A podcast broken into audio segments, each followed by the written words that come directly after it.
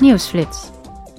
Gisteren gingen de leden van het Europees Parlement in debat met Ilva Johansson, Europees commissaris voor Binnenlandse Zaken, en met Pascual Ignacio Navarro Rios, de Spaanse staatssecretaris voor de EU.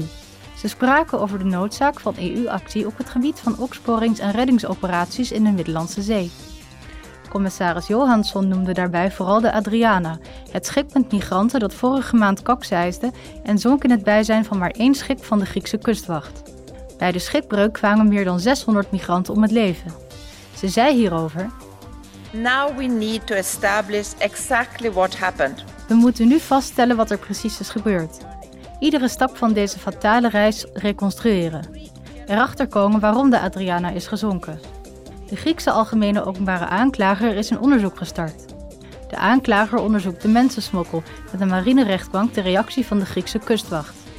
Deze onderzoeken moeten zorgen voor vertrouwen dat de feiten kunnen worden vastgesteld, zoals de smokkelroute die is gebruikt.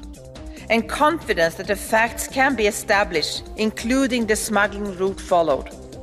De Spaanse staatssecretaris voor de EU, Navarro Rios, bracht de overeenkomst van de EU-landen over nieuw migratiebeleid ter sprake.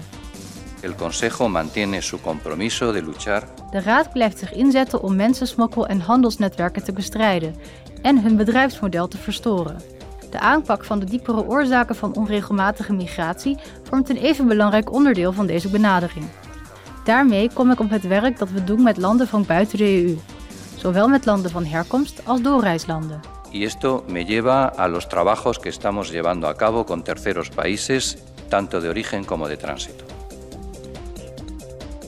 In Straatsburg hebben de parlementsleden nieuwe regels goedgekeurd voor de plaatsing van meer tankstations voor alternatieve brandstoffen voor auto's en vrachtwagens. Uiterlijk in 2026 moeten er tenminste om de 60 kilometer elektrische oplaadpunten voor auto's langs de kernroutes van het Trans-Europese vervoersnetwerk zijn geplaatst. Voor vrachtwagens en bussen is dit om de 120 kilometer. Daarnaast heeft het parlement nieuwe regels goedgekeurd over schonere brandstoffen voor de zeevaart om de uitstoot van broeikasgassen te verminderen. De nieuwe regels maken deel uit van het pakket Fit for 55.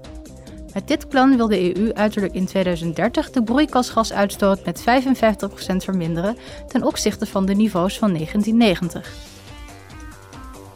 Het parlement heeft nieuwe wetgeving aangenomen om de chipsindustrie van de EU te stimuleren. Deze EU Chips Act moet leiden tot een grotere strategische autonomie en voorzieningszekerheid op het gebied van halfgeleidertechnologieën in Europa. Ook zal er een crisisresponsmechanisme worden opgericht om het risico op tekorten aan te pakken. Daarnaast is 3,3 miljard euro vrijgemaakt voor onderzoek en innovatie. Verder hebben de parlementsleden bepalingen gesteund voor nauwere internationale samenwerking met strategische partners en over intellectuele eigendomsrechten. Dit moet concurrentievoordelen garanderen en de halfgeleiderindustrie van de EU beschermen.